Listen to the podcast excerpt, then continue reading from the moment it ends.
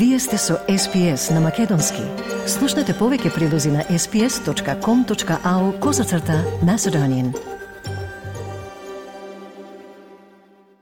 Слушате прилог на Македонски на SPS Audio со Маргарита Василева.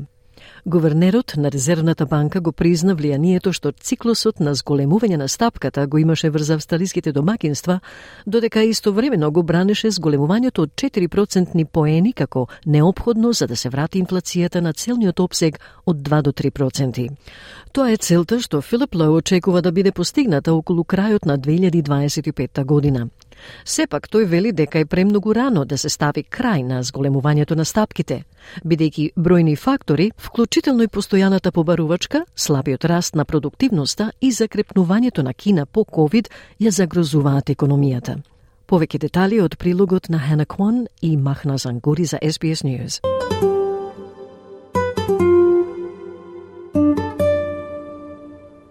Филип Лоу го доживеа своето последно парламентарно испрашување како гувернер на Резервната банка. My first appearance before this committee was nearly 20 years ago. And this is my uh, 16th and, as you said, my final appearance as, as the governor.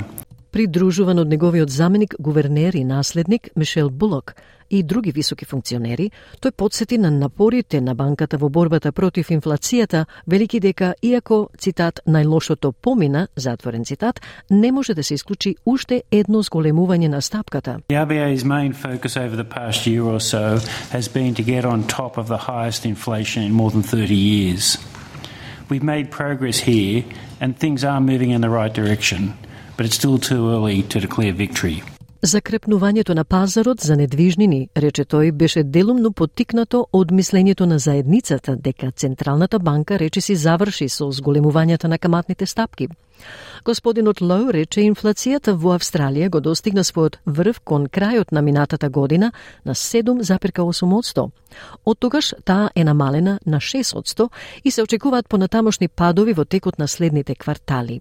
Тој додаде дека централната прогноза е инфлацијата да биде околу 3,25% до крајот на следната година и да се вратиме во целниот обсег од 2 до 3% до крајот на 2025 година. Inflation Australia Australia peaked late last year at 7.8%. Since then, it's declined to 6%, and we expect further declines over the quarters ahead.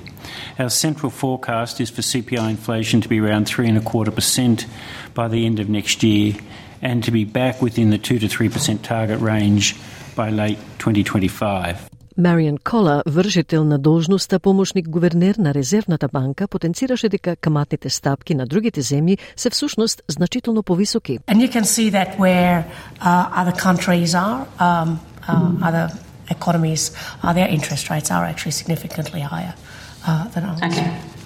Но додека невработеноста останува на околу 3,5%, најниска за речиси половина век, економскиот раст се очекува да се намали. Гувернерот Филип Лој вели дека тој тренд се очекува да продолжи уште некое време. Тој изјави дека многу домакинства се соочуваат со голем притисок врз нивните буџети и побарувачката на потрошувачите е значително намалена, поради што високата инфлација ги еродира реалните приходи на луѓето. Зголемувањето на каматните стапки исто така влијае на расположивите приходи за многу домакинства, додека други имаат корист од повисоките каматни приходи на нивните заштеди. Many households are facing a painful squeeze on their budgets and consumer demand has slowed considerably, not least because high inflation is eroding people's real incomes. The increase in interest rates is also weighing on disposable incomes for many households, although others are benefiting from higher interest income earned on their savings. Господинот Лоу се обиде да го одбрани ставот на банката за, како што го нарече, скромниот пораст на невработеноста на 4,5% до средината на 2025 година. Доктор Лоу беше широко критикуван за тоа што укажа среде пандемија дека стапките нема да се зголемат до 2024 година.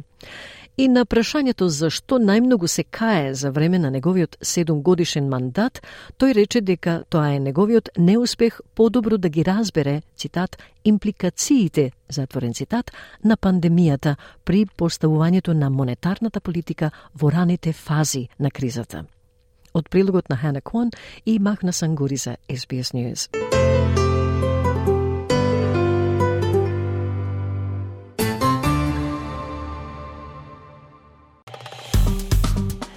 Стиснете, ми се допаѓа, споделете, коментирајте. Следете ја SPS на Македонски на Facebook.